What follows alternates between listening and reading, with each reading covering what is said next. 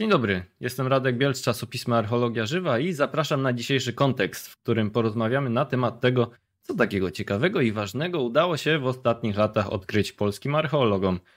Co prawda, przedstawienie pełnej listy takich odkryć wymagałoby założenia pewnie całkiem osobnego cyklu cotygodniowych spotkań, ale jestem przekonany, że osoba, którą zaprosiłem dzisiaj, dokonała bardzo zgrabnego wyboru, a jest to z wykształcenia archeolog, na co dzień popularyzująca wiedzę o przeszłości, m.in. Polskim Radiu, Świecie Nauki czy tygodniku Polityka, autorka takich książek jak Dawniej ludzie żyli w brudzie oraz Miłość w starożytnym Egipcie, no i oczywiście najnowszej pozycji wydanej przez wydawnictwo literackie świetnej książki pod tytułem Grody, Garnki i Uczeni o archeologicznych tajemnicach ziem polskich. Powitajcie w komentarzach, Agnieszka Krzemińska. Dzień dobry Państwu, bardzo się cieszę, że z Państwem dzisiaj tutaj jestem. I ja także bardzo się cieszę, że udało się nam spotkać. Zanim jeszcze przejdziemy do prezentacji, mam dwie ważne sprawy organizacyjne. Po pierwsze, spotkanie jest nagrywane, jego zapis pojawi się na naszym kanale YouTube, ale dopiero za jakiś czas najpewniej 11 lipca, bo stopniowo udostępniamy kolejne wykłady ze specjalnego kontekstu na żywo, który odbył się niedawno w Krzemionkach. Po drugie, będzie konkurs i tutaj już wykażemy się organizacyjnym mistrzostwem naprawdę, bo przeprowadzimy go zarówno na Facebooku, jak i na YouTubie. Na Facebooku wszystko odbędzie się w komentarzach, zadamy w trakcie, zaraz po zakończeniu prezentacji oraz przed pożegnaniami, czyli po zakończeniu dyskusji po jednym pytaniu. To pierwszy odpowie prawidłowo, ten wygrywa. Na YouTubie proszę zaś widzów o napisanie w komentarzach, co waszym zdaniem jest najważniejszym odkryciem archeologicznym w Polsce w ostatnich 22 latach, czyli po roku 2000 włącznie, wraz z uzasadnieniem. Oczywiście dwa komentarze na YouTubie z największą liczbą polubień łapę w górę zdobędą nagrodę. Na komentowanie i zbieranie polubień będziecie mieli czas do godziny 20 dnia 18 lipca 2022 roku, a nagrodami będą oczywiście egzemplarze książki Grody, Garnki i Uczeni, które ufundowała wydawni ufundowało wydawnictwo literackie, za co bardzo im dziękujemy oczywiście. No a teraz myślę, że najwyższy czas rozpocząć ów subiektywny przegląd archeologicznych sensacji. Prezentacja jest widoczna już, więc oddaję głos. Bardzo dziękuję. Jeszcze raz wszystkich Państwa witam. Tak jak przystało na dziennikarkę, postanowiłam zrobić subiektywny ranking odkryć ostatnich 22 lat i Mam dla Państwa tutaj wytłumaczenie, na jakiej zasadzie ten ranking powstał, bo jak dobrze wiemy, wszystkie rankingi są niezwykle subiektywne i w tych rankingach dominuje jakiś tam gust osoby, która ten ranking przygotowywuje, ale oczywiście są takie rzeczy, które można uznać za bardziej obiektywne, takie jak spektakularność danego odkrycia, bogactwo znalezisk. Tutaj w wypadku archeologów to oczywiście jakieś złoto, jakieś teksty, jakieś wyjątkowe ilości kości, coś, co nas zaskoczy, na przykład bardzo wczesne datowanie, bardzo późne datowanie, no albo coś, czego się absolutnie nie spodziewaliśmy, jak na przykład y, słynny bumerang, który został znaleziony w latach 90. Y, albo jeszcze w latach 80. w jaskini obłazowej koło Nowego Targu.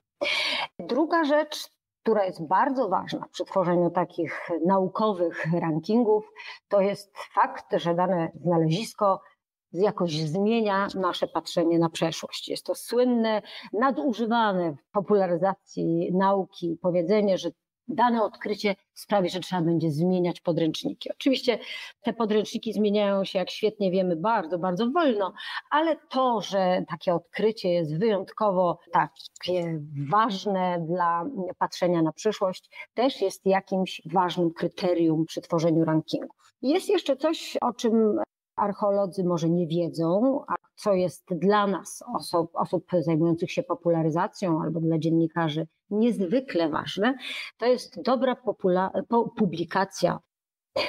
No dobrze, ponieważ już Państwo od dłuższego czasu widzą mój spis przyczyn, dla których rankingi są subiektywne i i nie zawsze, i nie zawsze oddają rzeczywistość i zawsze, zawsze są weryfikowane negatywnie, to może przejdźmy do tego, co mnie wydawało się, jako tej obserwatorce od ponad 20 lat, zajmującej się popularyzacją archeologii i szeroko pojętej przeszłości, najciekawsze w archeologii polskiej.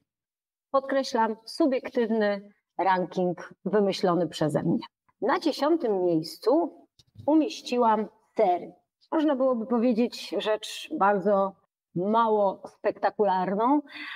Było to odkrycie z 2012 roku.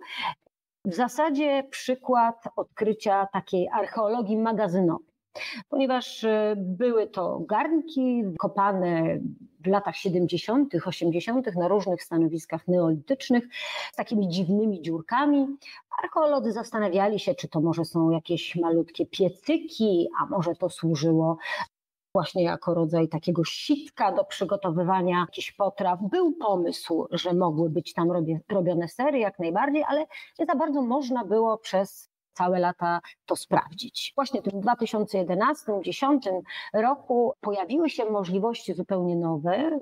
Wprowadzili, wprowadzone zostały takie laboratoryjne, różne metody badawcze do archeologii, i wtedy padli archeolodzy na pomysł, że można byłoby te nie, nie, nie, nieszkliwione fragmenty ceramiki wysłać do analizy, żeby sprawdzić, czy przypadkiem porach tych naczyń nie zostały lipidy tłuszczowe, które wskazywałyby właśnie na tłuszcze, jakie tłuszcze były przechowywane w tych naczyniach. Wynik był zaskakujący, bo potwierdziły się przypuszczenia, rzeczywiście w tych naczyniach pierwsi rolnicy przygotowywali sery. Co więcej, można było nawet powiedzieć, że te sery były serami krowimi, więc rodzaj takiego twarożku, który jemy w zasadzie do dzisiaj. I przez krótki czas Kujawy były najstarszym ośrodkiem produkcji serów na świecie. Co nie znaczy, że tam rzeczywiście wymyślono produkcję serów, ale to było miejsce, gdzie były najstarsze dowody fizyczne na to, że te sery były produkowane. Sery najprawdopodobniej przyszły już rolnikami na tereny ziem polskich, tylko były robione w jakiś inny sposób, może w jakichś bukłakach. Archeolodzy tu mają różne pomysły, jak to mogło wyglądać i przez kilka lat byliśmy najstarszym miejscem produkcji serów. Nie Francja, nie Szwajcaria, tylko my. Niestety kilka lat, bo się Szybciutko potem takie bada, podobne badania mm, rozpowszechniły i o kilkaset lat przebiła nas Chorwacja. Teraz na pierwszym miejscu jest Chorwacja. Dlaczego dałam to badanie? Właśnie też dlatego, że był to przykład jednego z pierwszych badań w Polsce, który mm, wykorzystywał te, te lipidy tłuszczowe, który wykorzystywał laboratorium. Wysłane były te naczynia które nam wytłumaczyły i już postawiły kropkę nad i, czym tak naprawdę są i do czego służyły. Potem cała lawina tych badań, właśnie się tak podobnych naczyń rozpoczęła. Myśmy tutaj byli pierwsi, więc doszłam do wniosku, że jest to taka zasługa, która to dziesiąte miejsce temu odkryciu przyznać. Na dziewiątym miejscu wyróżniłam mur w Maszkowicach. Jest to rzecz o tyle też pamiętając tą pierwszą tablicę, którą Państwu pokazałam, że coś musi być nań, no to w tym wypadku mamy najstarszy, liczący 4000 lat, kamienny mur w Polsce.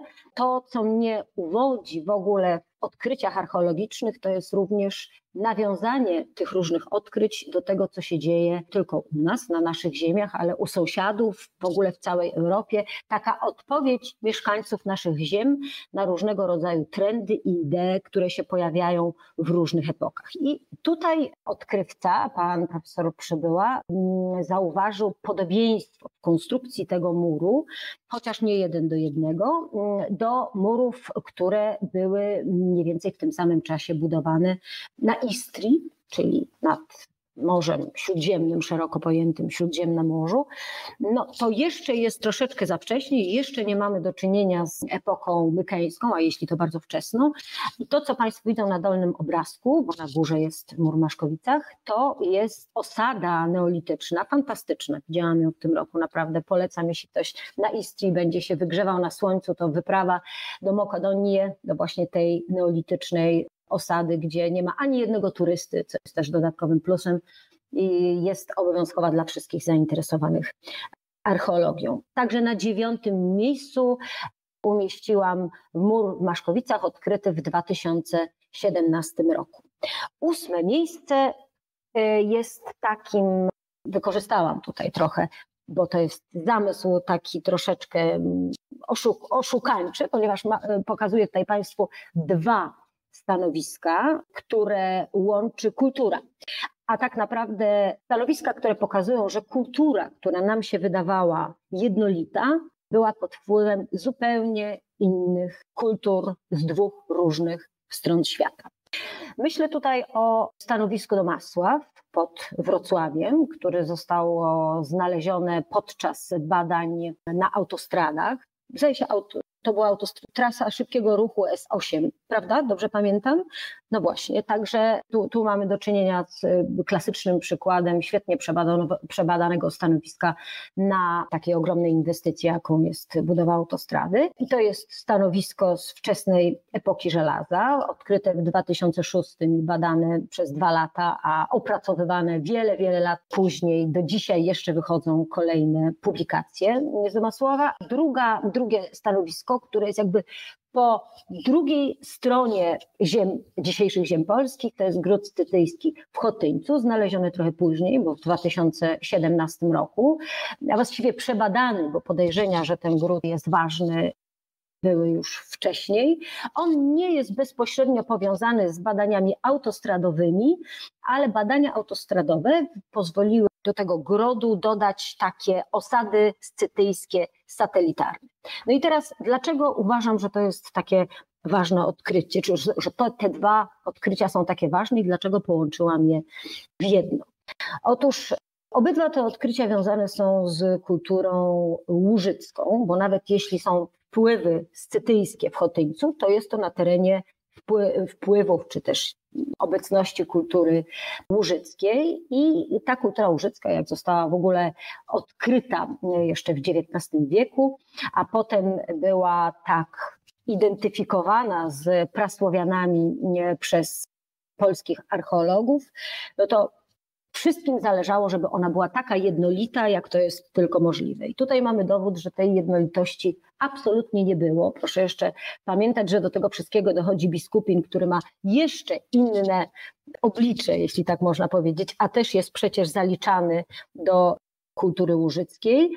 E, więc to jest bardzo ważne dla nas, dla archeologów. Te dwa stanowiska są bardzo ważne, bo pokazują tą niejednolitość i te wpływy z dwóch różnych światów tak naprawdę, bo Domasław, to wspaniałe cmentarzysko arystokratyczne, ma wyraźne wpływy halsztackie, czyli kultury alpejskiej, która znowu ma wyraźne wpływy śródziemnomorskie, a z drugiej strony mamy Scytów z ich obrzędowością, z ich zolnikiem, czyli takim miejscem spalania kultowego, rytualnego, no i tą wspaniałą na przykład amforą, którą tutaj Państwo widzą w prezentacji. Jest to grecka amfora, w której na pewno przywieziono wino, chociaż nie wiem, czy już zostały zrobione badania laboratoryjne, żeby sprawdzić, czy rzeczywiście to wino tam w tym naczyniu było. To, co bardzo mnie uwiodło, jak przygotowywałam materiał do mojej książki, to było porównanie, które pan profesor Czopek użył, mówiąc właśnie o tych dwóch stanowiskach, że zauważamy, że archeolodzy zauważają tutaj taki pradziejowy podział ziem polskich dzisiejszych ziem polskich, oczywiście na tę ziemię A i B, gdzieś mniej więcej na linii Wisły, Świetnie wiemy, że to jest lekkie nadużycie, fajnie brzmi, tak bardzo po dziennikarsku. Jest to lekkie nadużycie, bo mm, jeśli weźmiemy pod uwagę, że potem jest pierwsze tysiąclecie już naszego wieku, kiedy mamy tutaj miszmasz i kipisz, jeśli chodzi o przesunięcia ludnościowe, ale pradziejowy podział na ziemię polskie A i B brzmi fantastycznie, więc, więc ósme miejsce dla tych dwóch y, stanowisk. Na siódmym miejscu mamy skarby z Czenna i okolic. Tutaj z kilku powodów to odkrycie, czy też inaczej te odkrycia, bo ich było więcej, mm, umieściłam. No mamy jednak bogactwo tych znalezisk mniej więcej z XIII wieku. I tam jest i srebro, i monety, i garnki, i ozdoby, i bardzo, bardzo wiele różnych rzeczy, które pokazują, że na tych terenach, na terenie Grodów Czerwińskich, kontakty z Rusią Kijowską i z Bizancjum były bardzo, bardzo silne że były to bardzo ważne miejsca handlu i w ogóle naprawdę wiele tam się działo pod takim względem handlowo-cywilizacyjnym. Ale wybrałam też to odkrycie ze względu na pozytywny przykład współpracy detektorystów z archeologami. Ja jestem bardzo krytyczna w stosunku do tego procederu, a tutaj, jeśli chodzi o chodzenie z wykrywaczami, bo uważam, że to jest bardzo niedobre dla naszego dziedzictwa. Ale w tym wypadku rozmawiałam z archeologami, którzy sobie tą współpracę bardzo chwalili i dzięki temu możemy dzisiaj w muzeach oglądać naprawdę fantastyczny zbiór skarbów z okolic Czernia. Także siódme miejsce dla, dla tego odkrycia, a szóste.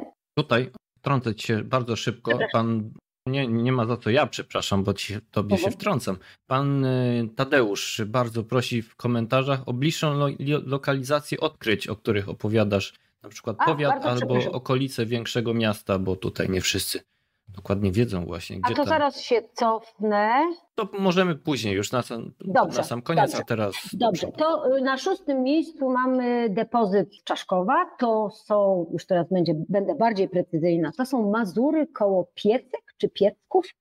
Tutaj przepraszam, jeśli użyłam złej y, formy gramatycznej. Dlaczego wyróżniam i aż na szóstym miejscu umieszczam to y, znalezisko? Otóż jest to pierwszy tak bogaty depozyt jeziorny, który został znaleziony na terenie ziem polskich. Depozyty jeziorne są przebogate, znajdowane między innymi w Danii, w Niemczech jest takie słynne odkrycie Willerupa Dal mm, z ogromną ilością broni. Mamy opisy tekstowe, które o takich rytualnym pozbywaniu się zabitej broni, czyli poniszczonej broni wrzucanej do jezior. Mamy opisy antycznych kronikarzy. No i 2011 roku udało się nam trafić na takie fantastyczne znalezisko w jeziorze Nidalnym. To jest jezioro wysychające, czyli tak naprawdę archeolodzy brodzili, brodzili w Błocku bardziej niż mm, potrzebowali sprzętu do nurkowania, e, żeby te wspaniałe rzeczy, które tutaj Państwo widzą, wydobyć. Rzeczywiście wyróżniłam to odkrycie dlatego, że jest wyjątkowo bogate, wyjątkowo ciekawe. Do dzisiaj jeszcze chyba nie doczekało się pełnego mm, opracowania, ale jak rozmawiałam po odkryciu z badaczami, to mm, zapowiadało się bardzo ciekawie. Opowiadali o wpływach z Bizancjum, z Rusi, Zastanawiali się, czy to nie byli wojowie, którzy przyszli właśnie z południa z powrotem do domów, czyli byli to być może Bałtowie.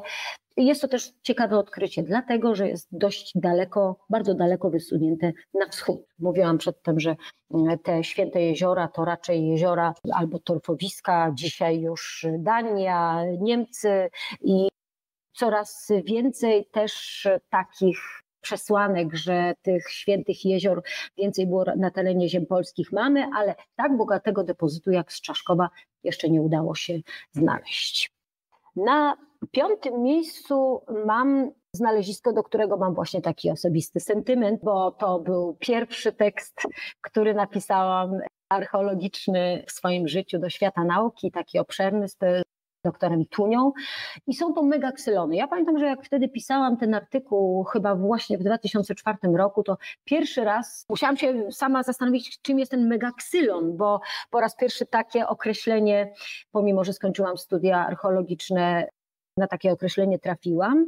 Dla mnie było to fascynujące, że my tu na ziemiach polskich mamy właśnie taką naszą interpretację idei megalitycznej, która była wszechogarniająca, która się pojawiła na terenie całej Europy i miała różne oblicza. I to, że w miejscu czy, czy w regionie, gdzie brakowało kamienia, ludzie wymyślili sobie sposób, żeby też budować takie gigantyczne przedziwne konstrukcje, bo częściowo to są grobowce, częściowo nie. Tam na tej rekonstrukcji Państwo widzą taki kwadrat, który jest jakimś rodzajem placu ceremonialnego. Interpretacji było mnóstwo, jak świetnie Państwo wiedzą. To to jest dla mnie fascynujące, że właśnie tego typu myśl, idea sprawiła, że ludzie wykorzystali to, co mieli pod ręką, czyli drewno i ziemię, bo to są budowle gigantyczne, 120-metrowe, drewniano-ziemne sprzed 5,5 tysiąca lat, czyli budowane przez pierwszych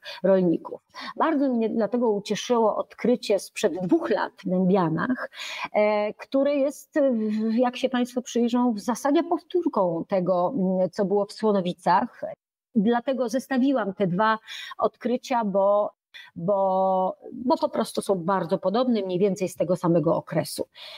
Nie ma na zdjęciach rondeli, bo rondele są bardzo niewdzięczne, jeśli chodzi o prace badawcze, natomiast są przecudowne, przecudownym przykładem w Polsce wykorzystania innej nowoczesnej technologii, czyli zdjęć lidarowych i badań geofizycznych takie szerokopłaszczyznowe badania, jak tutaj Państwo widzą, jakie miały miejsce najpierw w Słonowicach, a potem w Dębianach, w przypadku rondeli bardzo rzadko się zdarzają, robione są małe sondaże.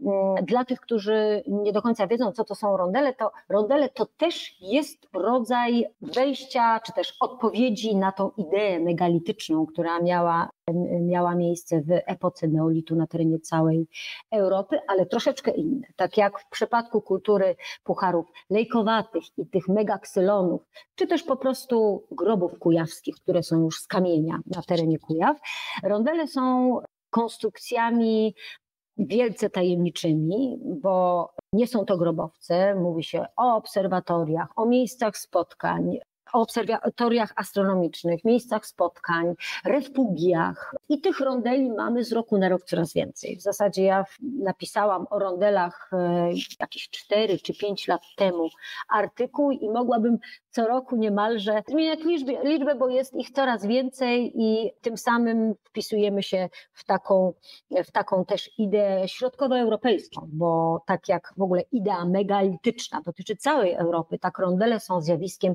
tutaj jak widać, na naszych ziemiach, chociaż przez krótki czas, przez jakiś czas wydawało się, że jest to zjawisko czesko-niemieckie, a my teraz dołączyliśmy do tej, do tej grupy właśnie naszymi odkryciami najnowszymi.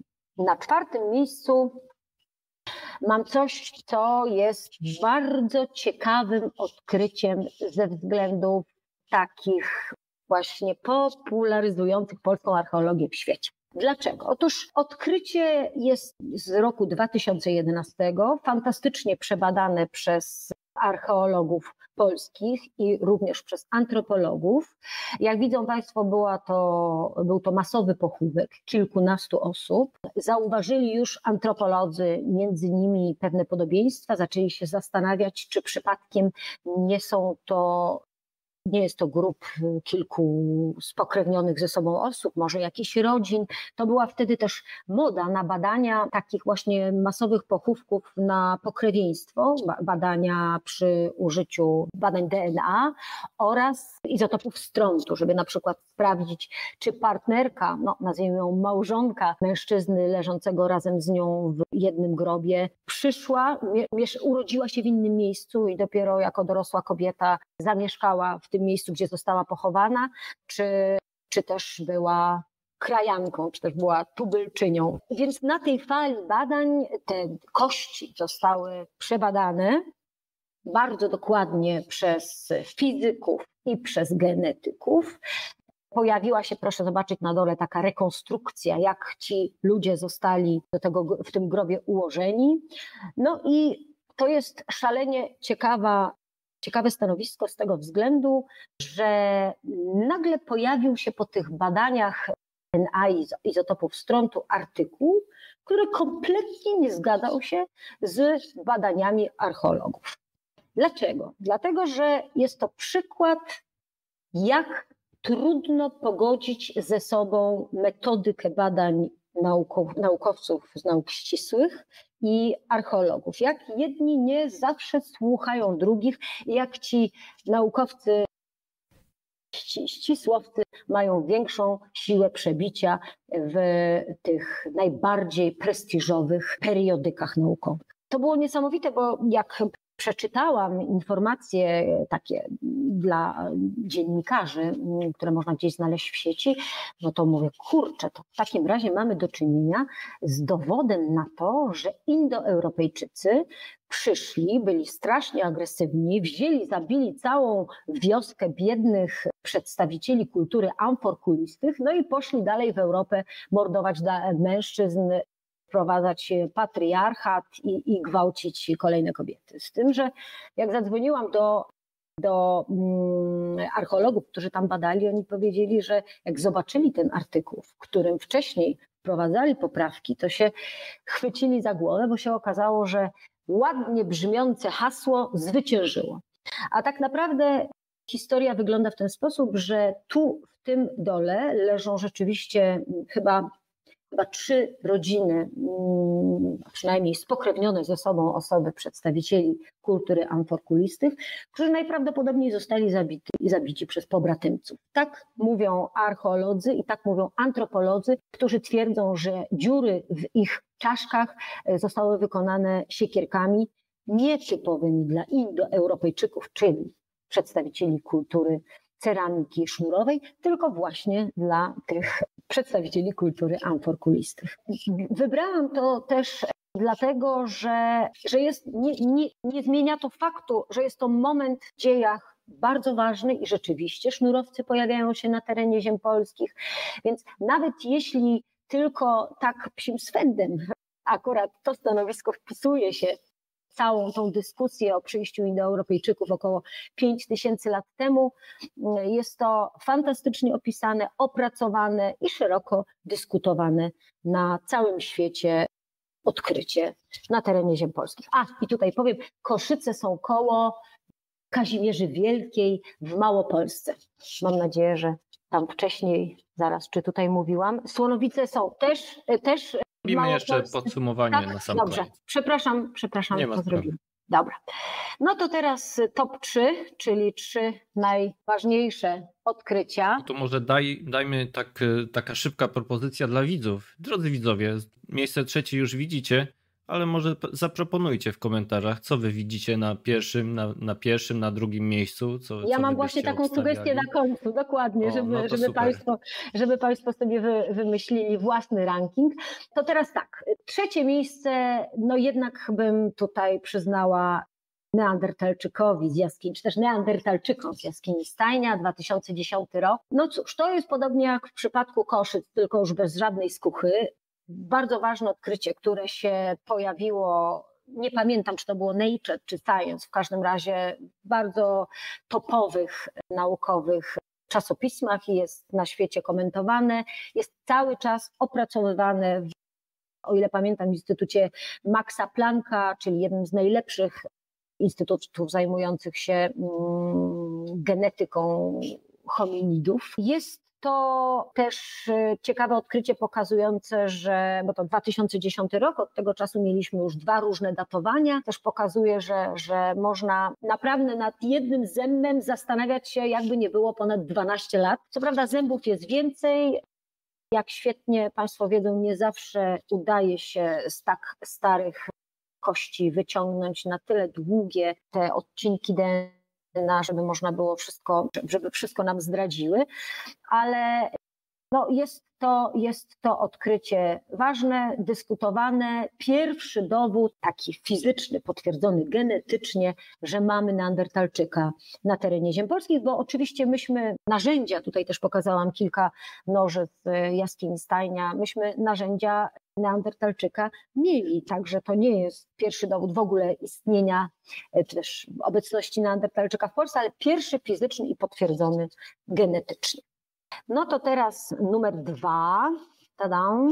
To jest moja propozycja. Jest to cmentarz w Wodzi. Kolejne bardzo ważne odkrycie autostradowe. W ogóle taki tutaj mały ekskurs wielu moich rozmówców, z którymi prowadziłam rozmowy do książki Grody Garnki Uczeni, no mówiło, że jednak autostrady, badania na autostradach, na trasie gazociągu, no zmieniły nasze patrzenie na dzieje ziem polskich, bo po prostu były masowe, obowiązkowe i przyniosły mnóstwo materiałów, które, które pogłębiły naszą wiedzę i rozszerzyły. A więc jest to odkrycie, Bodzia jest koło Włocławka, tutaj od razu mówię, bardzo niedaleko. Jest to mm, cmentarzysko z przełomu X i XI wieku, więc sam początek funkcjonowania, czy też umacniania się i tworzenia państwa Piastów. Szalenie ciekawy, bardzo dobrze przebadany materiał, który wskazuje na wpływy z różnych stron świata. Wpływy e, wschodnie, e, wpływy zachodnie, na przykład w budowie samych grobów. Archeolodzy dopatrują się wpływów zachodnich, nawet niektórzy mówią o wielkomorawskich. Są w biżuterii znowuż elementy, które pokazują na kontakty z Rusią kijowską, czy też ze wschodem. No i są badania zarówno izotopów strontu, jak i badania DNA, które opowiadają też fantastyczną historię o mężczyźnie, który urodził się tutaj na miejscu, potem musiał był pojechać gdzieś do Danii i ściągnął ze sobą wojów, przyjaciół, którzy razem z nim musieli tutaj przyjechać i razem z nim potem leżą na mm, tym, zostali pochowani na tym cmentarzu, ponieważ właśnie najstarszym pochówkiem na cmentarzu, najbardziej takim no, największym i wyróżniającym się był pochówek tego mężczyzny urodzonego w okolicach Włocławka, wokół którego był jakiś, jakiś rodzaj, no kult to za dużo powiedziane, ale musiał być na tyle ważną osobą, że wokół niego e, stworzono tę wyjątkową nekropolię. Także to jest prze, bardzo ważne stanowisko, które na szczęście doczekało się już ciekawych, różnych opracowań. Wielu badaczy się do nich odnosi. To jest też przykład takiego stanowiska archeologicznego, które jest dla nas bardzo ważne, bo w przypadku koszyc, w przypadku megaksylonów, czyli tych zjawisk, które dotyczą wielkich dziejowych przemian, łatwiej jest nam, archeologom z Polski, zainteresować nimi światowe media, czy też y, wielkie instytuty badawcze, które na przykład pomagają nam w badaniu DNA, ale jeśli chodzi o Bodzie, ja przypuszczam, że tam się wszyscy prosili, żeby zbadać te kości, bo to jest dla wszystkich bardzo ważne, żeby zrozumieć, jak dochodziło do tworzenia się tych wszystkich państwowości w końcu pierwszego tysiąclecia naszej ery. Na pierwszym miejscu jest coś, co jest absolutnie subiektywne. Otóż uważam, że latryny, które są badane od lat 80., w przypadku Elbląga badane są cały czas.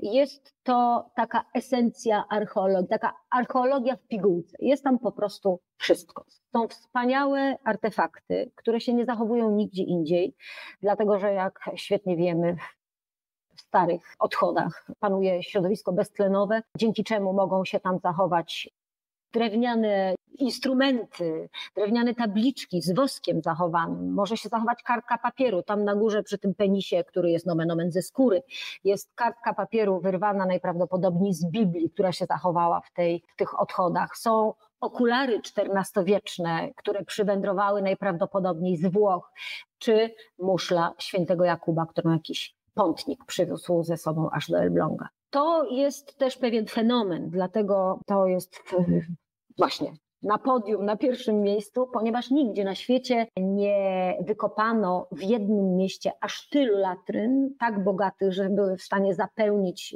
wyjęte z tych latryn zabytki piętro w muzeum, ogromnym muzeum w Elblągu. W Elblągu po prostu tych latryn wykopano ponad 200. Oczywiście nie każda była aż tak bogata.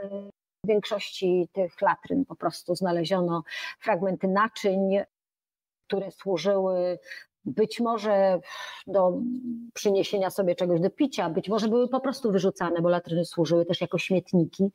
No i to, to bogactwo, ale też nie tylko to, bo przecież poza przedmiotami mamy tam te ludzkie odchody, które są skarbnicą informacji na temat żywienia się, diety ludzi w różnych okresach, albo tego, na co chorowali, bo zachowują się tam jaja pasożytów y, i, i naprawdę można pisać na temat takich wykopalisk latrynowych y, całe tomy. Niestety, tu ubolewam, nie jest to rozpowszechniona wiedza na całym świecie, że mamy takie cuda y, gdzieś w naszym prowincjonalnym Elblągu, czy w czy w Gdańsku, to jest taka słabość naszej archeologii, że wiele fantastycznych odkryć pozostaje sfotografowanych przez dziennikarza w dniu odkrycia albo przez archeologa i na tym się kończy. I to jest też taki apel, który staram się za każdym razem do wszystkich archeologów wystosować. Opisujcie swoje wykopaliska jak najwięcej, mówcie o nich jak najwięcej, bo potem takie wspaniałe rzeczy jak te nasze latryny, nikt o tym po prostu nie wie, tylko jakaś tam dziennikarka, która się tym po prostu zainteresowała. Także tak wygląda mój subiektywny, e, subiektywny ranking. Od razu mówię, że z wszystkich badań wynika, że wszystkie rankingi z czasem są negatywnie weryfikowane i zapamiętywane są zupełnie inne rzeczy niż to, co nam się wydaje w danym momencie najciekawsze. Poza tym ten subiektywizm wynika również z gustów osoby, która ranking przygotowywuje. I zachęcam Państwa do stworzenia własnych rankingów, bo każdy taki ranking może mieć. I być może, jak Państwo uważają, że coś bardzo ważnego przeoczyłam, to chętnie wysłucham i odnotuję i bije się w piersi, że, że, że, że tutaj taka skucha, że nie zauważyłam czegoś ważniejszego. No, tak jak powiedziałaś, całkowicie subiektywne. Ja jestem zaskoczony. Na pewno nie spodziewałem się latryn na pierwszym miejscu. Troszkę inne priorytety mamy w archeologii żywej, ale bardzo dobrze powiedziane, bardzo dobrze przedstawione. Tutaj wiele Wiele tych rzeczy wzbudziło bardzo dużo komentarzy i dyskusji, i o depozytach tutaj było z tych rzeczy, które inni sugerowali. Mhm. Po pierwsze, to w ogóle gdzieś tam zaraz, drodzy widzowie, powinien się teraz pojawić w komentarzach na, na Facebooku pytanie konkursowe. Najpierw będzie to łatwe, najpierw będzie trudniejsze, na sam koniec będzie już to prostsze, więc zobaczymy, komu się uda typów, które nasi widzowie tutaj pisali, to pan Maciej się śmiał, że złotego pociągu nie odnaleźli, więc jego typ numer jeden niestety odpada. Pani Magdalena, pamiętam, że była w trakcie tego spotkania, pisze, że mumia w ciąży niedawno odkryta przez zespół Ojej, z Warszawy. Pani Magdaleno, jest dyskusja wokół mumii w ciąży, jest Bardzo podejrzenie, dobrze. że niestety nie ma ciąży. Tak, tak. I nie wiem, co my zrobimy z tym odcinkiem na YouTubie, który tam jest i wszystkimi artykułami, które jest, ale zobaczymy. Trzymamy kciuki, że może jednak się obronią znajomi. Kolega Sebastian tutaj pisze, że na pierwszym miejscu Bodzia, na drugim Bodzia, na trzecim Bodzia. Klaczny temat, pani Tamara pisze, że to jest to, co wy archeologowie cenicie. No tak, jak widać, tak bardzo cenimy, że zasługuje na pierwsze miejsce, a pan Jakub również pisze latryny, że to są jego faworyt, mega źródło. No i pan Sebastian też pisze, że Lenonki ze bloga cały czas go zachwycają. Są na tyle niesamowite, że zasłużyły na okładkę miejsce, jeśli dobrze kojarzę, tak? Tak? Są na okładce książki. Ach tak, oczywiście. Przepraszam bardzo, nie byłam twórczynią tej okładki, ale rzeczywiście tam wygląda jakby był pies w okularach, tak.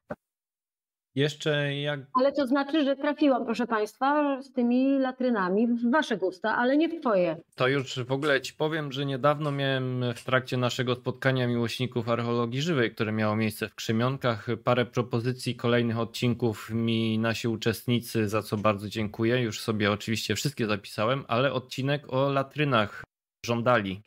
Pani Ewa Nic przede wszystkim żądała, żeby taki odcinek powstał, więc może jeszcze uda się raz y, przynajmniej Ciebie zaprosić do kolejnego odcinka, może właśnie do w współpracy. Latynach, w latynach jest wszystko, nawet skórzany penis. Tak jest, tutaj on też bardzo dużo emocji wzbudził. Jak tylko zabawne napisali słowo penis w komentarzach, to mi Facebook od razu te komentarze zbanował i ukrył, ale to dla nauki. Takie części ciała są zasadniczo, więc i takie przedmioty Poza również tym pamiętajmy, są, więc... pamiętajmy, że jesteśmy w latrynach i mówimy o latrynach, więc ja bardzo przepraszam, ale tam bez penisa się nie obejdzie. Tak, tak. Przynajmniej dla połowy społeczeństwa mniej tak więcej. Tak jest. Pani Małgorzata się zastanawiała z kolei, czy kartka z Biblii to do poczytania, czy w jakimś innym celu tam była? Czy pełny... Jest już mówię, to jest też bardzo ciekawe przypuszczenie, że rzeczywiście może to być jakiś rodzaj buntu antyreligijnego. Kto wie, czy nie posłużyła do tego, do czego służy dzisiaj papier toaletowy,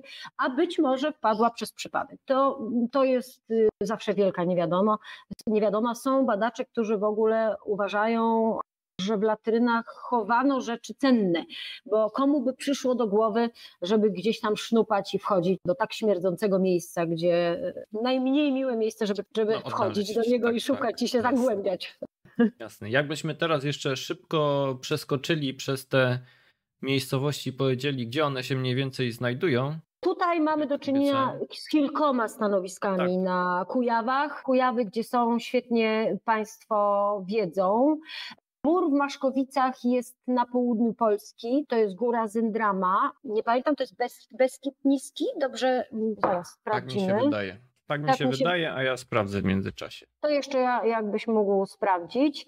Tak jak mówiłam, do Masław jest przy Wrocławiu, a Chotyniec jest w okolicach, nie wiem, czy to jest przy Rzeszowie, w każdym razie Oj, wiem, że. Podkarpackie, ale nie przy Rzeszowie, to nie mi kiedyś wypomnieli, to że to trochę to tak jakby Skorzelec to pod Wrocławiem był. No to właśnie to.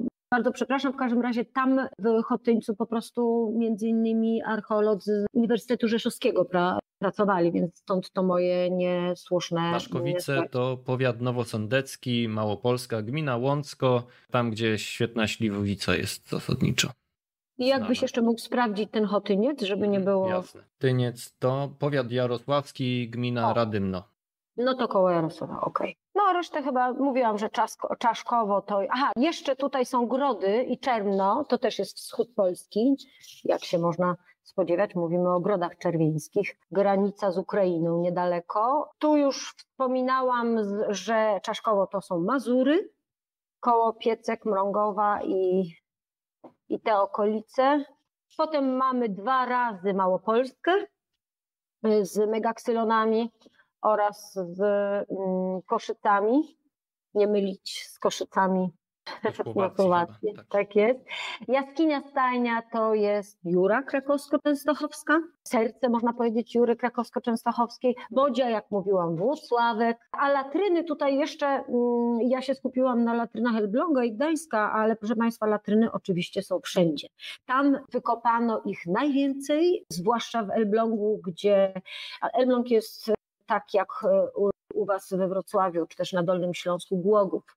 Długi, długi czas był nieremontowany, cała, całe Stare Miasto mm, leżało odłogiem, było w ruinie i miał Elbląg to szczęście, że zostało bardzo dobrze przebadane całe, całe to Stare Miasto przez archeologów. Badania trwają od ponad 20, prawie 30 lat stąd te 200 latryn.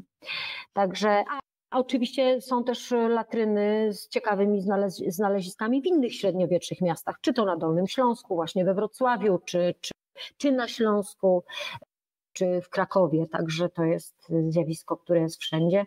Tutaj tylko i wyłącznie mówimy o masie i bogactwie tych latryn hanzeatyckich e, nad Bałtykiem. Tak jest, super, bardzo dziękuję.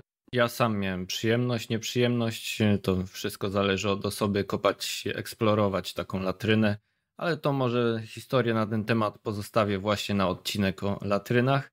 Pani Teresa jednak jeszcze się zastanawia, że aż dziw bierze, że w tych latrynach nie znaleziono żadnego trupa, że nikt się nie chciał pozbyć w ten sposób zwłok. To byłby na pewno inny zapach. Ktoś mógłby się zorientować, ale chyba nie odnaleziono, nie? Nie odnaleziono. O ile mi wiadomo, nie, nie, nie, natomiast jest to dobry pomysł, ale proszę też pamiętać o jednej rzeczy. Proszę Państwa, te latryny były jednak czyszczone. To jest tak, że my nie mamy takiego fantastycznego przeglądu tej latryny na rok powiedzmy 1410. To jest mm, dość przypadkowe. Pewne rzeczy w czasie wyjmowania e, tych odchodów przez katów, bo to oni zajmowali się czyszczeniem latryn, pozostawały właśnie na bokach tych dołów kloacznych i to one są dla nas takie atrakcyjne, a to wypełnisko, które jest w środku, no to jest z ostatniej fazy użytkowania tej latryny. Więc kto wie, kto wie, może policja średniowieczna czy nowożytna miała do czynienia z jakimiś trupami, ale może zostały znalezione w czasie takiego czyszczenia, czyszczenia latryn. Zdarzało się oczywiście, że latryny nie były już czyszczone, były kopane obok kolejne doły kloaczne, bo te już były bardzo stare, albo nieefektywne, albo zaczęły przeciekać, w związku z czym w longu, z tego co mi mówili eksploratorzy, badacze, są takie kamienice, które mają nawet trzy latryny na podwórku. Żebyśmy nie zdominowali tego tematu tym, tym pierwszym miejscem, przechodzimy. Pan Dominik tutaj już mi powtarza swoje dwa pytania. Pierwsze jest, jak traktowane są przedmioty wydobywane podczas ekshumacji, jako zabytki czy dowody rzeczowe? A to bardzo ciekawe. Jest wokół tego dyskusja, mm, bo to nie wiem, czy Państwo wiedzą, na przykład w Stanach Zjednoczonych jest duży problem z Indianami, z ludnością natywną, jak to się teraz przyjęło mówić, którzy nie zgadzają się, żeby były ekshumowane kości i tak samo nie mm, zgadzają się, żeby wyjmować przedmioty, co do których mają mniej nabożny stosunek. Natomiast nie można tego za każdym razem traktować jako dowodów w sprawie, bo przecież nie każdy znaleziony zmarły jest zamordowany. To są, to są grobowce, więc można mieć do tego taki kultowy stosunek, że mamy do czynienia ze zmarłym. Te przedmioty miały dla niego jakieś znaczenie, w związku z czym zastanawiamy się, czy nie powinien ten człowiek wraz z tymi przedmiotami wrócić z powrotem do Ziemi. Jest teraz taka moda, między innymi również w Wielkiej Brytanii, że rzeczywiście z powrotem niektóre kości się wracają do ziemi. Przedmioty nie. Przedmioty zostają. Z tymi kośćmi mamy też ogromną dyskusję, bo proszę zobaczyć, że chociażby w tym moim rankingu Dużo mówiliśmy o kościach. Kości są niebywałym źródłem informacji archeologicznych o, przyszło, o przeszłości tych ludzi, sposobie życia i tak dalej, pochodzeniu. W związku z czym szkoda trochę dla nauki, żeby te kości z powrotem wkładać do ziemi. Przy okazji powiem o rzeczy szalenie interesującej. Wszyscy z Państwa znają człowieka z lodu, czyli Etiego. Proszę sobie wyobrazić, że jest dyskusja, czy on z powrotem nie powinien wrócić do lodu, czyli że już my, archeolodzy, nie będziemy mieli do niego dostępu. Z tej prostej przyczyny, że wszystko, co my wyciągamy z ziemi, niszczeje. My jesteśmy niszczycielami i e, nie tylko tych, tej tkanki architektonicznej, ale również y, tych organicznych rzeczy, które wydobywamy. I jest tego przykładem. Nie pamiętam dokładnie, ile rocznie traci na wadze, ale po prostu wysycha. Jest cały czas zagrożenie, że za, zaatakują go bakterie i grzyby, w związku z czym naukowcy oczywiście starają się robić co mogą, żeby to się nie stało, ale toczy się dyskusja, czy w pewnym momencie nie będzie trzeba go zamknąć w bryle lodu, no i trzeba będzie się zadowolić tylko tymi próbkami, które przez lata udało się zgromadzić e, w instytucie, który powstał obok muzeum zajmującym się badaniem właśnie tej najsłynniejszej mumii świata. Także nie wiem, czy odpowiedziałam na pytanie e, Myślę, pana. Jak najbardziej. Ja jeszcze tylko dorzucę, że z...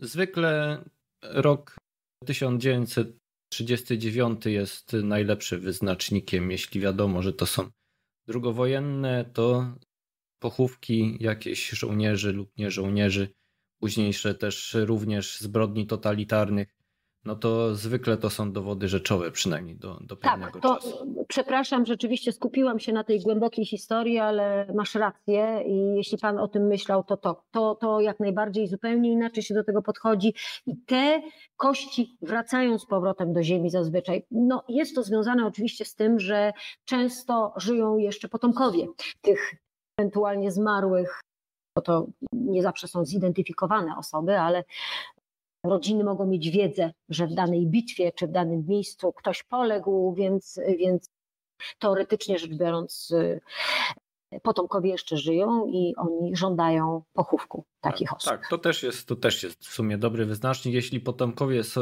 możliwe, że żyją, to zwykle też właśnie później się chowa te kości No to też zawsze jest kwestia tego, że dobrze by było wiedzieć w jakim pochówku, ta, w jakim obrządku ta osoba by chciała zostać złożona, bo wiemy, że no zdawcy tak. judaizmu nie, nie można w ogóle prowadzić wykopalisk na, na, na ich to Prawda.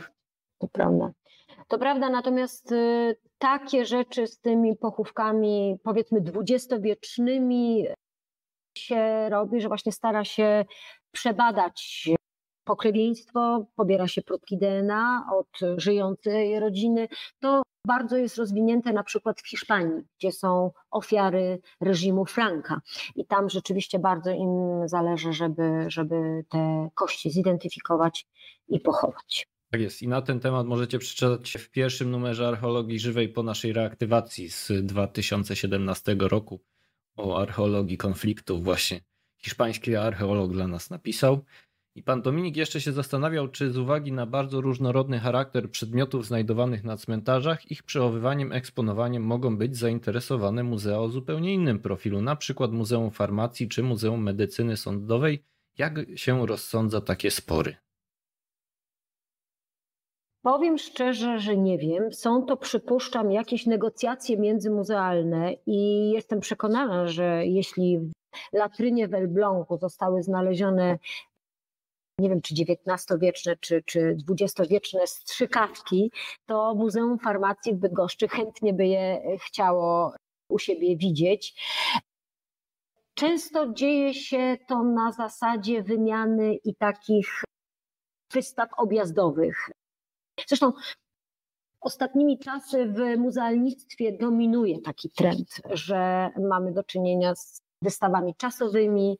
Proszę zauważyć, że mm, jeśli chodzi nawet o taką sztukę przez duże sy, to powiedzmy, że mamy zamknięty repertuar i te wspaniałe obrazy czy rzeźby kursują między wielkimi muzeami, po, pojawiają się pomysły, żeby stworzyć tematyczne jakieś wystawy i tutaj mamy być może podobnie, że Muzeum Farmacji czy, czy właśnie zbrodni wojennych prosi muzea archeologiczne, gdzie są przechowywane mm, jakieś przedmioty, które im pasują do tematu i po prostu przyjeżdżają na wystawę czasową lub są w depozycie, bo to też jest przecież możliwe, jak takie Muzeum w Elblągu tych strzykawek będzie miało 20, to dlaczego trzech nie oddać w depozyt do takiego Muzeum Farmacji? Ale czy takie negocjacje i rozmowy są prowadzone, trudno mi jest powiedzieć. Tak, tak to mniej więcej właśnie wygląda zasadniczo. Z tego, co mi koledzy muzealnicy opowiadali, co sam gdzieś wiedziałem. Jeśli to są zabytki archeologiczne, to one na stałe są w zbiorach zwykle muzeów archeologicznych. Tutaj kwestia jest, że nie zawsze to są polubowne rozmowy. Czasami po prostu, które muzeum jest silniejsze, to one sobie te najfajniejsze zabytki zgarnia.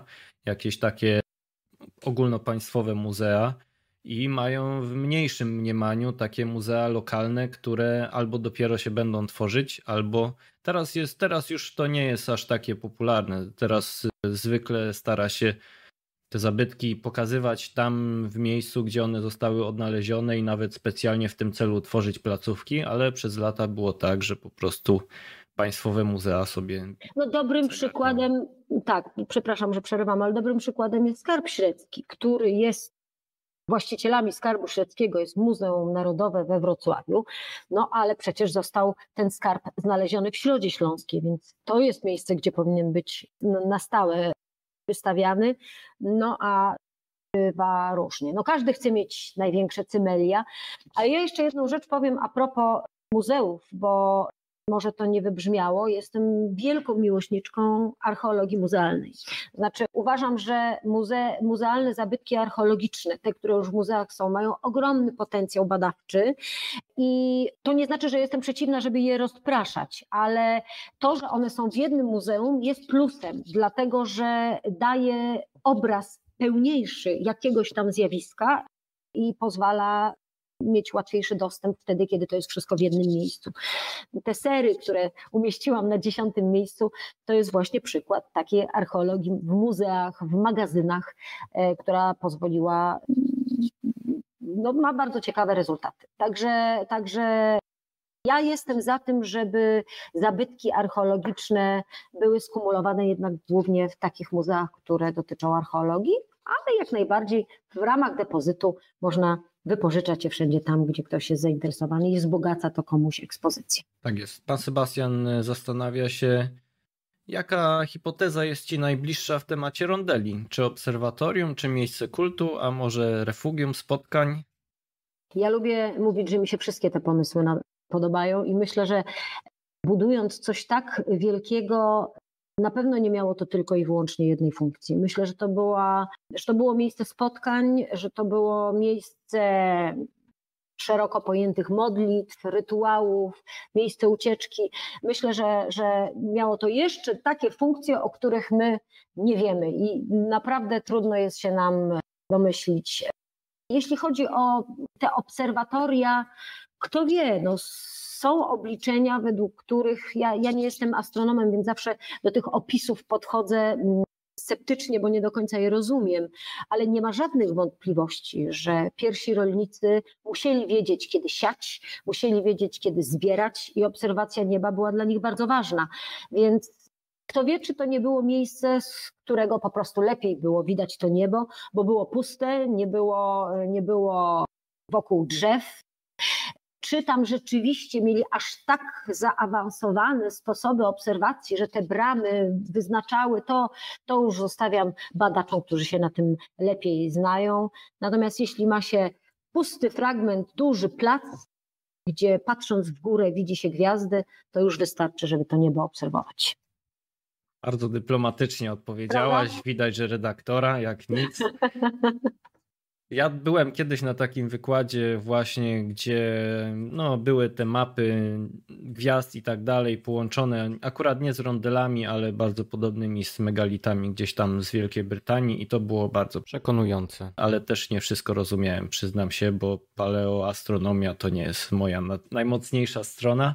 Pan Marek... A, znaczy ja, ja, ja już tylko skończę i jestem przekonana, że ludzie żyjący w neolicie byli bardzo inteligentni, umieli obserwować niebo i być może byli lepsi w tej obserwacji nieba i znajomości gwiazd niż ja i ty. No, na pewno lepsi niż ja, to jestem Na pewno lepsi przekonany. niż ja. Pan Marek się śmieje, że dopiero odkrycie latryn wyjaśni prawdziwą funkcję rondeli. No nie wiadomo, może bardzo możliwe, bardzo możliwe. Pan Piotr zastanawia się jakieś odniesienie do odkrycia grobu Jana Olbrachta na Wawelu. To najnowsze dosłownie, nie? Z tam sprzed parunastu dni. Ja tylko powiem prawdopodobnie grobu Jana Olbrachta. Jeszcze nie udało się go zasadniczo zobaczyć. Czekamy na decyzję aktualnie władz czy osób, które zarządzają tym obiektem, że pozwolili sprawdzić archeologom i no, jeśli ktoś nas tam słucha, dajcie pozwolenie, zróbcie przyjemność archeologom. Naprawdę takiej możliwości zdobycia niesamowitej wiedzy nie mamy zbyt wiele. A ja jeszcze chciałam powiedzieć a propos właśnie takich newsów z wczoraj. Ja jestem e, e, dziennikarzem i ja ich nie cierpię, dlatego że ja potem dostaję właśnie w redakcji prośbę, słuchaj, napisz o tym, o tym grobie, a tu jeszcze nic nie wiadomo, bo ani nie przebadane, ani nie mamy pewności, ani nawet jeszcze nie ma pozwolenia na to, żeby były badania. I ja jedyne, co mogę napisać, to, to no, prawdopodobnie, być może, najprawdopodobniej, nawet najprawdopodobniej nie mogę napisać, więc ja jestem dziennikarzem czy też popularyzatorem nauki, który czeka na publikację, bo publikacja jest dla mnie jakimś takim już poważnym dowodem na to, że to, co opiszę, nawet jeśli się potem zmieni, bo na przykład dojdą nowe fakty, albo trzeba będzie się wycofać, bo ten ząb będzie trochę inaczej datowany niż był na początku, tak jak być może nie ma ciąży w mumii, ale przynajmniej mam jakąś pewność, jakąś pieczątkę badaczy, że to, co opisuje, ma ręce i nogi. Natomiast takie ad hoc pisanie Dlatego też mam problem z poszukiwaczami zabytków, bo im właśnie brakuje tej wiedzy, żeby powiedzieć więcej o przedmiocie, który jest wyciągnięty z ziemi. To jest,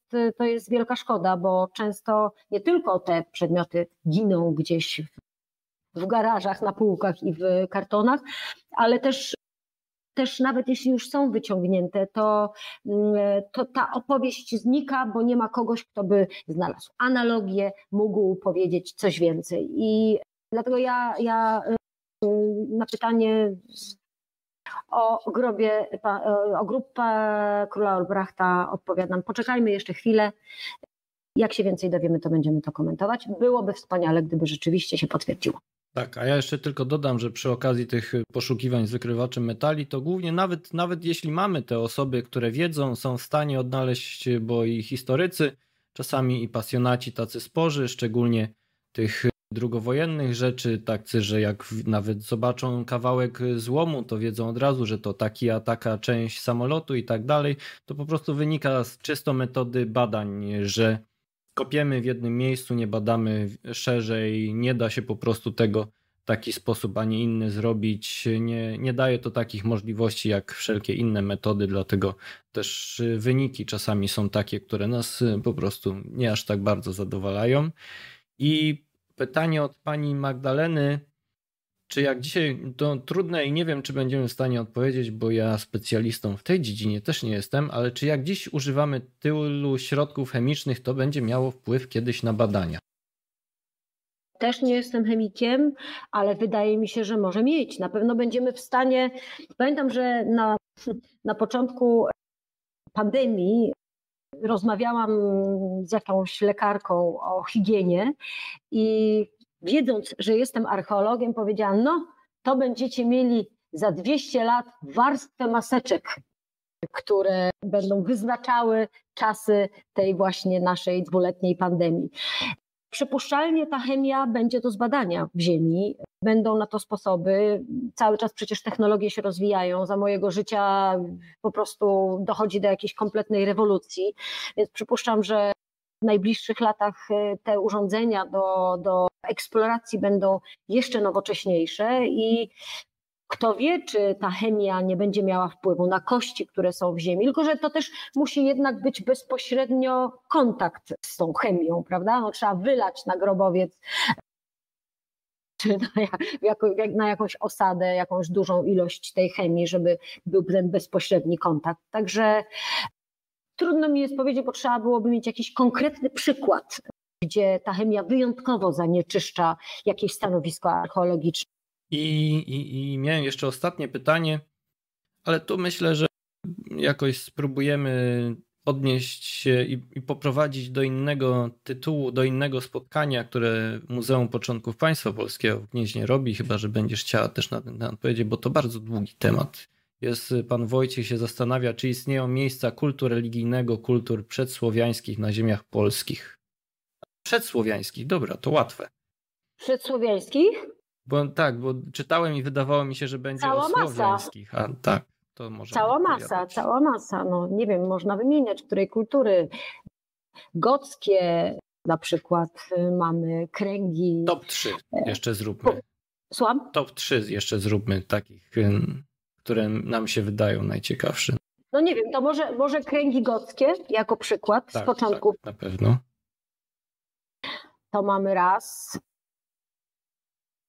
No jeśli, jeśli grobowce kujawskie uznać za miejsca kultu, a zapewne były, to możemy znowuż też kuja, grobowce kujawskie jakieś w Wykrzychowicach wskazać. One są imponujące, 120 metrów. To ja myślę, że w takim razie nie ma już co dłużej przedłużać. Teraz w tym momencie zaraz pojawi się pytanie konkursowe dla najbardziej wytrwałych, którzy pomimo wszelkich problemów dotrwali właśnie do tego prostszego pytania, jak to powiedziałem. Widziałem, że na pierwsze pytanie konkursowe pełno, pełno odpowiedzi padło dendrochronologia. Była to oczywiście poprawna Brawo. odpowiedź, pomimo tego, że niby powiedziałem, że będzie trudniejsze.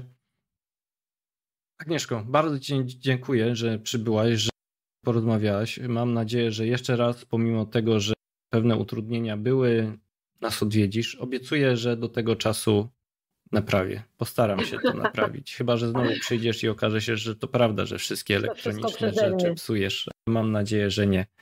Chciałabym bardzo podziękować wszystkim, którzy nas oglądali. Chciałabym podziękować wydawnictwu, dzięki któremu mogłam napisać w pradziejach ziem polskich o tym, co się działo na terenie ziem polskich przed Mieszkiem. I mam nadzieję, że nie jest to koniec mojej opowieści o przeszłości. Może to, to co prawda już trzecia moja książka, ale mam nadzieję, że nie ostatnia. I też liczę na to, że jeszcze się z Państwem spotkam. Dziękuję bardzo. I oczywiście, drodzy widzowie, dziękujemy wszystkim, którzy udostępnili i byli pomocni przy organizacji tego spotkania, gdzie promowali to spotkanie. Oczywiście wielkie podziękowania dla wydawnictwa literackiego za to, że wydało tą wspaniałą książkę, że pomimo wielu prób i pracy, bo wiemy jak to jest z czasopismem, tylko sobie wyobrażamy, że jeszcze trudniej jest z książką, no, że udało się i ja się bardzo z tego powodu cieszę, bo w końcu mam tytuł, który mogę polecać każdemu, kto tylko się pyta, od czego zacząć swoją przygodę z archeologią.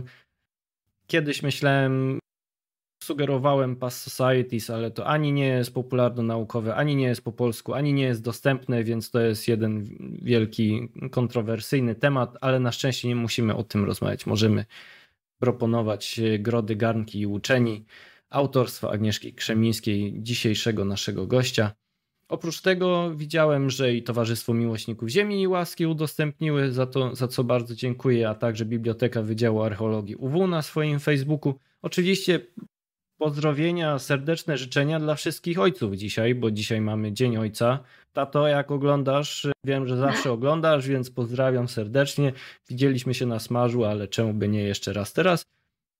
No i specjalne też pozdrowienia mam dla pani Karoliny i Anny Hanusz. Wiem, że też są stałymi widzami i że oglądają każdy odcinek. Podobno się mają ucieszyć, że ich pozdrowię osobiście. Tak mi przekazano przez trzecie osoby, więc mam nadzieję, że tak będzie.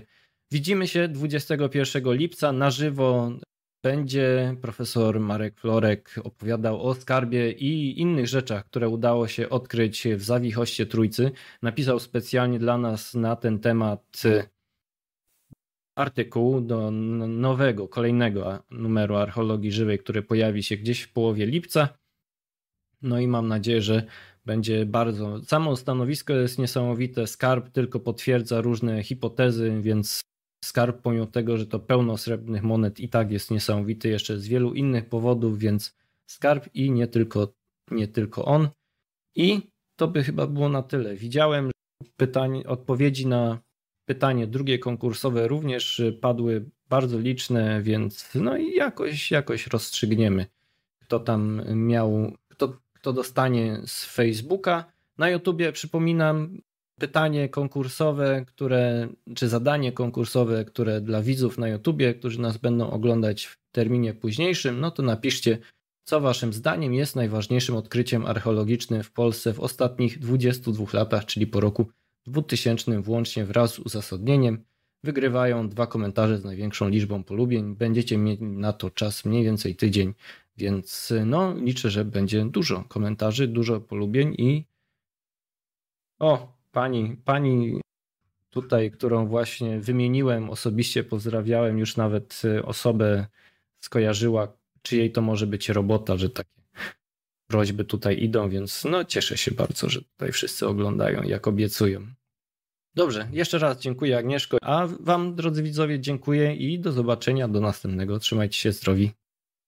Do widzenia.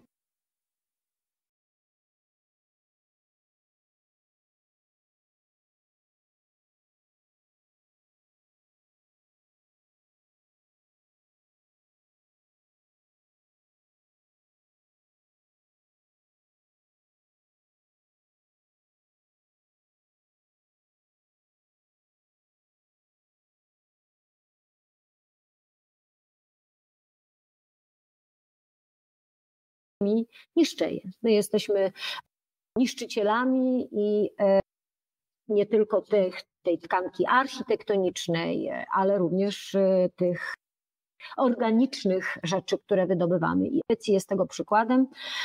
Nie pamiętam dokładnie, ile rocznie traci na wadze, ale po prostu wysycha. Jest cały czas zagrożenie, że za, zaatakują go bakterie i grzyby, w związku z czym naukowcy oczywiście starają się robić co mogą, żeby to się nie stało, ale toczy się dyskusja, czy w pewnym momencie nie będzie trzeba go zamknąć w bryle lodu, no i trzeba będzie się zadowolić tylko tymi próbkami, które przez lata udało się zgromadzić w instytucie, który powstał obok muzeum zajmującym się badaniem właśnie tej najsłynniejszej mumii świata. Także nie wiem, czy odpowiedziałam na pytanie Myślę, pana. Jak najbardziej. Ja jeszcze tylko dorzucę, że z...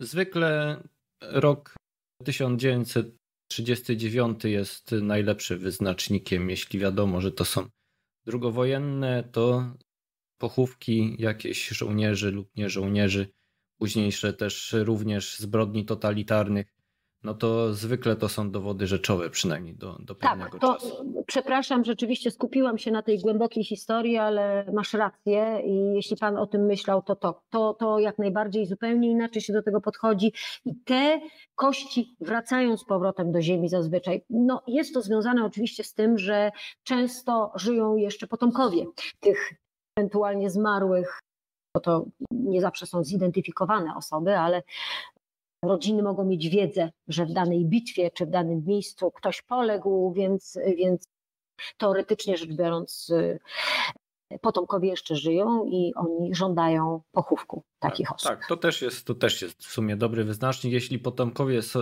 możliwe, że żyją, to zwykle też właśnie później się chowa te kości. No to też zawsze jest kwestia tego, że dobrze by było wiedzieć w jakim pochówku, ta, w jakim obrządku ta osoba by chciała zostać złożona, bo wiemy, że no tak. znawcy judaizmu nie, nie można w ogóle prowadzić wykopalisk na, na, na ich cmentarzach. To prawda, to prawda. To prawda, natomiast y, takie rzeczy z tymi pochówkami, powiedzmy dwudziestowiecznymi się robi, że właśnie stara się przebadać pokrewieństwo, pobiera się próbki DNA od żyjącej rodziny. To bardzo jest rozwinięte na przykład w Hiszpanii, gdzie są ofiary reżimu Franka. I tam rzeczywiście bardzo im zależy, żeby, żeby te kości zidentyfikować i pochować. Tak jest. I na ten temat możecie przeczytać w pierwszym numerze archeologii żywej po naszej reaktywacji z 2017 roku o archeologii konfliktów. Właśnie hiszpański archeolog dla nas napisał. I pan Dominik jeszcze się zastanawiał, czy z uwagi na bardzo różnorodny charakter przedmiotów znajdowanych na cmentarzach, ich przechowywaniem, eksponowaniem mogą być zainteresowane muzea o zupełnie innym profilu, na przykład Muzeum Farmacji czy Muzeum Medycyny Sądowej. Jak się rozsądza takie spory? Powiem szczerze, że nie wiem. Są to, przypuszczam, jakieś negocjacje międzymuzealne i jestem przekonana, że jeśli w latrynie w Elblągu zostały znalezione nie wiem, czy XIX-wieczne, czy, czy XX-wieczne strzykawki, to Muzeum Farmacji w Bydgoszczy chętnie by je chciało u siebie widzieć. Często dzieje się to na zasadzie wymiany i takich wystaw objazdowych. Zresztą ostatnimi czasy w muzealnictwie dominuje taki trend, że mamy do czynienia z wystawami czasowymi.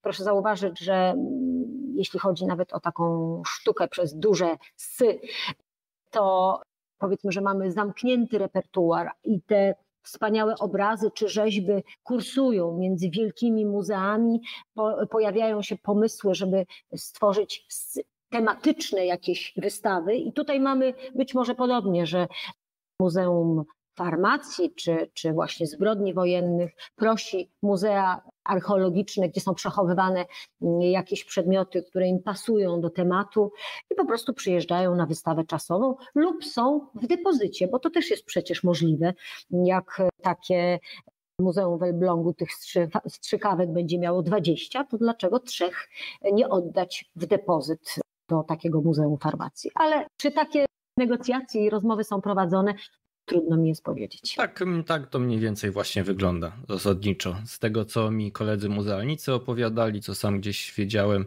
Jeśli to są zabytki archeologiczne, to one na stałe są w zbiorach zwykle muzeów archeologicznych. Tutaj kwestia jest, że nie zawsze to są polubowne rozmowy. Czasami po prostu, które muzeum jest silniejsze, to one sobie te najfajniejsze zabytki zgarnia. Jakieś takie ogólnopaństwowe muzea i mają w mniejszym mniemaniu takie muzea lokalne, które albo dopiero się będą tworzyć, albo teraz jest, teraz już to nie jest aż takie popularne. Teraz zwykle stara się te zabytki pokazywać tam w miejscu, gdzie one zostały odnalezione i nawet specjalnie w tym celu tworzyć placówki, ale przez lata było tak, że po prostu państwowe muzea sobie. No dobrym przykładem, tak, przepraszam, że przerywam, ale dobrym przykładem jest Skarb Średzki, który jest właścicielami Skarbu Średzkiego jest Muzeum Narodowe we Wrocławiu, no ale przecież został ten skarb znaleziony w Środzie Śląskiej, więc to jest miejsce, gdzie powinien być na stałe wystawiany, no a bywa różnie. No każdy chce mieć największe cymelia, ale ja jeszcze jedną rzecz powiem a propos muzeów, bo może to nie wybrzmiało, jestem wielką miłośniczką archeologii muzealnej. Znaczy uważam, że muze, muzealne zabytki archeologiczne, te, które już w muzeach są, mają ogromny potencjał badawczy i to nie znaczy, że jestem przeciwna, żeby je rozpraszać, ale to, że one są w jednym muzeum jest plusem, dlatego że daje obraz pełniejszy jakiegoś tam zjawiska i pozwala mieć łatwiejszy dostęp wtedy, kiedy to jest wszystko w jednym miejscu. Te sery, które umieściłam na dziesiątym miejscu, to jest właśnie przykład takiej archeologii w muzeach, w magazynach, e, która pozwoliła, no, ma bardzo ciekawe rezultaty. Także, także ja jestem za tym, żeby zabytki archeologiczne były skumulowane jednak głównie w takich muzeach, które dotyczą archeologii, ale jak najbardziej w ramach depozytu można wypożyczać je wszędzie tam, gdzie ktoś jest zainteresowany i wzbogaca to komuś ekspozycję. Tak jest. Pan Sebastian zastanawia się, jaka hipoteza jest Ci najbliższa w temacie rondeli? Czy obserwatorium, czy miejsce kultu, a może refugium spotkań? Ja lubię mówić, że mi się wszystkie te pomysły podobają i myślę, że budując coś tak wielkiego, na pewno nie miało to tylko i wyłącznie jednej funkcji. Myślę, że to, była, że to było miejsce spotkań, że to było miejsce szeroko pojętych modlitw, rytuałów, miejsce ucieczki. Myślę, że, że miało to jeszcze takie funkcje, o których my nie wiemy i naprawdę trudno jest się nam domyślić.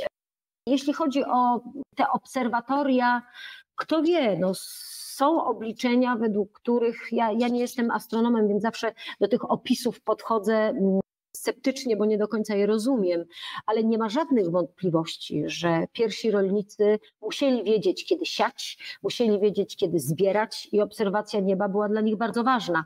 Więc kto wie, czy to nie było miejsce, z którego po prostu lepiej było widać to niebo, bo było puste, nie było, nie było wokół drzew, czy tam rzeczywiście mieli aż tak zaawansowane sposoby obserwacji, że te bramy wyznaczały to, to już zostawiam badaczom, którzy się na tym lepiej znają.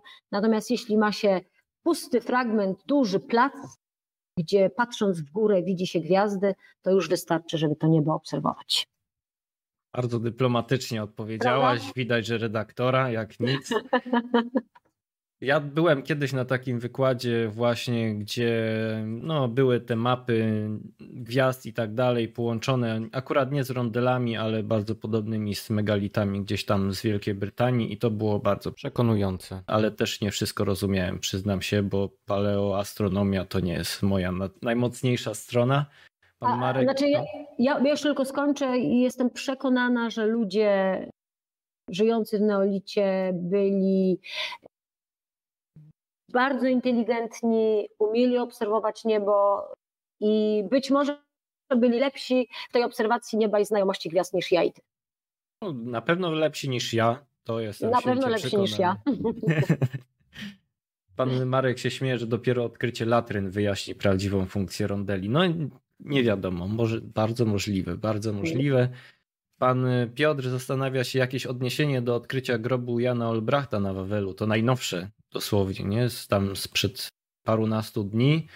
Ja tylko powiem prawdopodobnie grobu Jana Olbrachta. Jeszcze nie udało się go zasadniczo zobaczyć. Czekamy na decyzję aktualnie władz czy osób, które zarządzają tym obiektem, że pozwolili sprawdzić archeologom i no, jeśli ktoś nas tam słucha, dajcie pozwolenie, zróbcie przyjemność archeologom. Naprawdę takiej możliwości zdobycia niesamowitej wiedzy nie mamy zbyt wiele. A ja jeszcze chciałam powiedzieć a propos właśnie takich newsów z wczoraj. Ja jestem dziennikarzem i ja ich nie cierpię, dlatego że ja potem dostaję właśnie w redakcji prośbę, słuchaj, napisz o tym, o tym grobie, a tu jeszcze nic nie wiadomo, bo ani nie przebadane, ani nie mamy pewności, ani nawet jeszcze nie ma pozwolenia na to, żeby były badania. I ja jedyne, co mogę napisać, to, to no, prawdopodobnie, być może, najprawdopodobniej, nawet najprawdopodobniej nie mogę napisać, więc ja jestem dziennikarzem czy też popularyzatorem nauki, który czeka na publikację, bo publikacja jest dla mnie jakimś takim już poważnym dowodem na to, że to, co opiszę, nawet jeśli się potem zmieni, bo na przykład dojdą nowe fakty, albo trzeba będzie się wycofać, bo ten ząb będzie trochę inaczej datowany niż był na początku, tak jak być może nie ma ciąży mumii, ale przynajmniej mam jakąś pewność, jakąś pieczątkę badaczy, że to, co opisuje, ma ręce i nogi. Natomiast takie ad hoc pisanie Dlatego też mam problem z poszukiwaczami zabytków, bo im właśnie brakuje tej wiedzy, żeby powiedzieć więcej o przedmiocie, który jest wyciągnięty z ziemi. To jest, to jest wielka szkoda, bo często nie tylko te przedmioty giną gdzieś w, w garażach, na półkach i w kartonach, ale też też nawet jeśli już są wyciągnięte, to, mm, to ta opowieść znika, bo nie ma kogoś, kto by znalazł analogię, mógł powiedzieć coś więcej. I dlatego ja, ja y, na pytanie o grobie, o grupę króla Olbrachta odpowiadam, poczekajmy jeszcze chwilę. Jak się więcej dowiemy, to będziemy to komentować. Byłoby wspaniale, gdyby rzeczywiście się potwierdziło. Tak, a ja jeszcze tylko dodam, że przy okazji tych poszukiwań z wykrywaczem metali, to głównie nawet, nawet jeśli mamy te osoby, które wiedzą, są w stanie odnaleźć, bo i historycy, czasami i pasjonaci tacy sporzy, szczególnie tych drugowojennych rzeczy, tacy, że jak nawet zobaczą kawałek złomu, to wiedzą od razu, że to taki a taka część samolotu i tak dalej, to po prostu wynika z czysto metody badań, że kopiemy w jednym miejscu, nie badamy szerzej, nie da się po prostu tego w taki sposób, a nie inny zrobić. Nie, nie daje to takich możliwości jak wszelkie inne metody, dlatego też wyniki czasami są takie, które nas po prostu nie aż tak bardzo zadowalają. I pytanie od pani Magdaleny czy jak dzisiaj, to trudne i nie wiem, czy będziemy w stanie odpowiedzieć, bo ja specjalistą w tej dziedzinie też nie jestem, ale czy jak dziś używamy tylu środków chemicznych, to będzie miało wpływ kiedyś na badania? Też nie jestem chemikiem, ale wydaje mi się, że może mieć. Na pewno będziemy w stanie.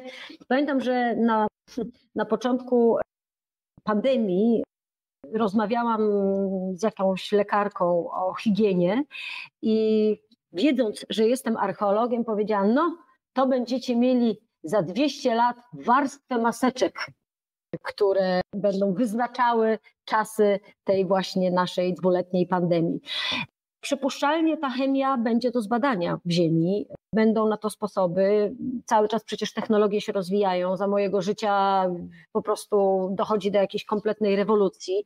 Więc przypuszczam, że w najbliższych latach e, te urządzenia do, do eksploracji będą jeszcze nowocześniejsze i kto wie, czy ta chemia nie będzie miała wpływu na kości, które są w ziemi, tylko że to też musi jednak być bezpośrednio kontakt z tą chemią, prawda? No, trzeba wylać na grobowiec czy na, jakąś osadę, jakąś dużą ilość tej chemii, żeby był ten bezpośredni kontakt. Także Trudno mi jest powiedzieć, bo trzeba byłoby mieć jakiś konkretny przykład, gdzie ta chemia wyjątkowo zanieczyszcza jakieś stanowisko archeologiczne. I, i, I miałem jeszcze ostatnie pytanie, ale tu myślę, że jakoś spróbujemy odnieść się i, i, poprowadzić do innego tytułu, do innego spotkania, które Muzeum Początków Państwa Polskiego w Gnieźnie robi, chyba że będziesz chciała też na ten temat powiedzieć, bo to bardzo długi temat. Jest pan Wojciech się zastanawia, czy istnieją miejsca kultu religijnego, kultur przedsłowiańskich na ziemiach polskich. Przedsłowiańskich, dobra, to łatwe. Przedsłowiańskich? Bo tak, bo czytałem i wydawało mi się, że będzie cała o słowiańskich. A tak, to może. Cała masa, cała masa. No nie wiem, można wymieniać, której kultury.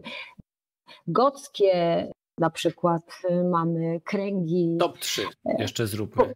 Słucham? Top 3 jeszcze zróbmy takich które nam się wydają najciekawsze. No nie wiem, to może, może kręgi gockie jako przykład tak, z początku. Tak, na pewno. To mamy raz. No jeśli, jeśli grobowce kujawskie uznać za miejsca kultu, a zapewne były, to możemy znowuż też kuja, grobowce kujawskie jakieś w Wytrzychowicach wskazać. One są imponujące, 120 metrów. To ja myślę, że w takim razie nie ma już co dłużej przedłużać. Teraz w tym momencie zaraz pojawi się pytanie konkursowe dla najbardziej wytrwałych, którzy pomimo wszelkich problemów dotrwali właśnie do tego prostszego pytania, jak to powiedziałem. Widziałem, że na pierwsze pytanie konkursowe pełno, pełno odpowiedzi padło dendrochronologia. Była to oczywiście poprawna Brawo. odpowiedź, pomimo tego, że niby powiedziałem, że będzie trudniejsze. Agnieszko, bardzo Ci dziękuję, że przybyłaś, że porozmawiałaś. Mam nadzieję, że jeszcze raz, pomimo tego, że pewne utrudnienia były, nas odwiedzisz. Obiecuję, że do tego czasu naprawię. Postaram się to naprawić. Chyba, że znowu przyjdziesz i okaże się, że to prawda, że wszystkie elektroniczne rzeczy psujesz. Mam nadzieję, że nie. Chciałabym bardzo podziękować wszystkim, którzy nas oglądali. Chciałabym podziękować wydawnictwu, dzięki któremu mogłam napisać w pradziejach ziem polskich o tym, co się działo na terenie ziem polskich przed Mieszkiem. I mam nadzieję, że nie jest to koniec mojej opowieści o przeszłości. Może to, to co prawda już trzecia moja książka, ale mam nadzieję, że nie ostatnia. I też liczę na to, że jeszcze się z Państwem spotkam. Dziękuję bardzo. I oczywiście, drodzy widzowie, Dziękujemy wszystkim, którzy udostępnili i byli pomocni przy organizacji tego spotkania, gdzie promowali to spotkanie. Oczywiście wielkie podziękowania dla wydawnictwa literackiego za to, że wydało tą wspaniałą książkę, że pomimo wielu prób i pracy, bo wiemy jak to jest z czasopismem, tylko sobie wyobrażamy, że jeszcze trudniej jest z książką, no, że udało się i ja się bardzo z tego powodu cieszę, bo w końcu mam tytuł, który mogę polecać każdemu, kto tylko się pyta, od czego zacząć swoją przygodę z archeologią. Kiedyś myślałem, sugerowałem Past Societies, ale to ani nie jest popularno-naukowe, ani nie jest po polsku, ani nie jest dostępne, więc to jest jeden wielki, kontrowersyjny temat, ale na szczęście nie musimy o tym rozmawiać. Możemy proponować grody, garnki i uczeni autorstwa Agnieszki Krzemińskiej, dzisiejszego naszego gościa. Oprócz tego widziałem, że i Towarzystwo Miłośników Ziemi i Łaski udostępniły, za, to, za co bardzo dziękuję, a także Biblioteka Wydziału Archeologii UW na swoim Facebooku. Oczywiście pozdrowienia, serdeczne życzenia dla wszystkich ojców dzisiaj, bo dzisiaj mamy Dzień Ojca. Tato, jak oglądasz, wiem, że zawsze oglądasz, więc pozdrawiam serdecznie. Widzieliśmy się na smażu, ale czemu by nie jeszcze raz teraz. No i specjalne też pozdrowienia mam dla pani Karoliny i Anny Hanusz, Wiem, że też są stałymi widzami i że oglądają każdy odcinek. Podobno się mają ucieszyć, że ich pozdrowię osobiście. Tak mi przekazano przez trzecie osoby, więc mam nadzieję, że tak będzie. Widzimy się 21 lipca na żywo. Będzie profesor Marek Florek opowiadał o skarbie i innych rzeczach, które udało się odkryć w Zawichoście Trójcy. Napisał specjalnie dla nas na ten temat artykuł do nowego, kolejnego numeru archeologii żywej, który pojawi się gdzieś w połowie lipca. No i mam nadzieję, że będzie bardzo. Samo stanowisko jest niesamowite. Skarb tylko potwierdza różne hipotezy, więc skarb, pomimo tego, że to pełno srebrnych monet, i tak jest niesamowity jeszcze z wielu innych powodów, więc skarb i nie tylko, nie tylko on. I to by chyba było na tyle. Widziałem pytań, odpowiedzi na pytanie drugie konkursowe również padły bardzo liczne, więc no i jakoś, jakoś rozstrzygniemy, kto tam miał, kto, kto dostanie z Facebooka. Na YouTubie przypominam pytanie konkursowe, które, czy zadanie konkursowe, które dla widzów na YouTubie, którzy nas będą oglądać w terminie późniejszym, no to napiszcie, co waszym zdaniem jest najważniejszym odkryciem archeologicznym w Polsce w ostatnich 22 latach, czyli po roku 2000 włącznie wraz z uzasadnieniem wygrywają dwa komentarze z największą liczbą polubień. Będziecie mieli na to czas mniej więcej tydzień, więc no liczę, że będzie dużo komentarzy, dużo polubień i o, pani, pani tutaj, którą właśnie wymieniłem, osobiście pozdrawiałem, już nawet y, osobę skojarzyła, czyjej to może być robota, że takie prośby tutaj idą, więc no cieszę się bardzo, że tutaj wszyscy oglądają, jak obiecują. Dobrze, jeszcze raz dziękuję Agnieszko, a wam drodzy widzowie dziękuję i do zobaczenia, do następnego. Trzymajcie się zdrowi. Do widzenia.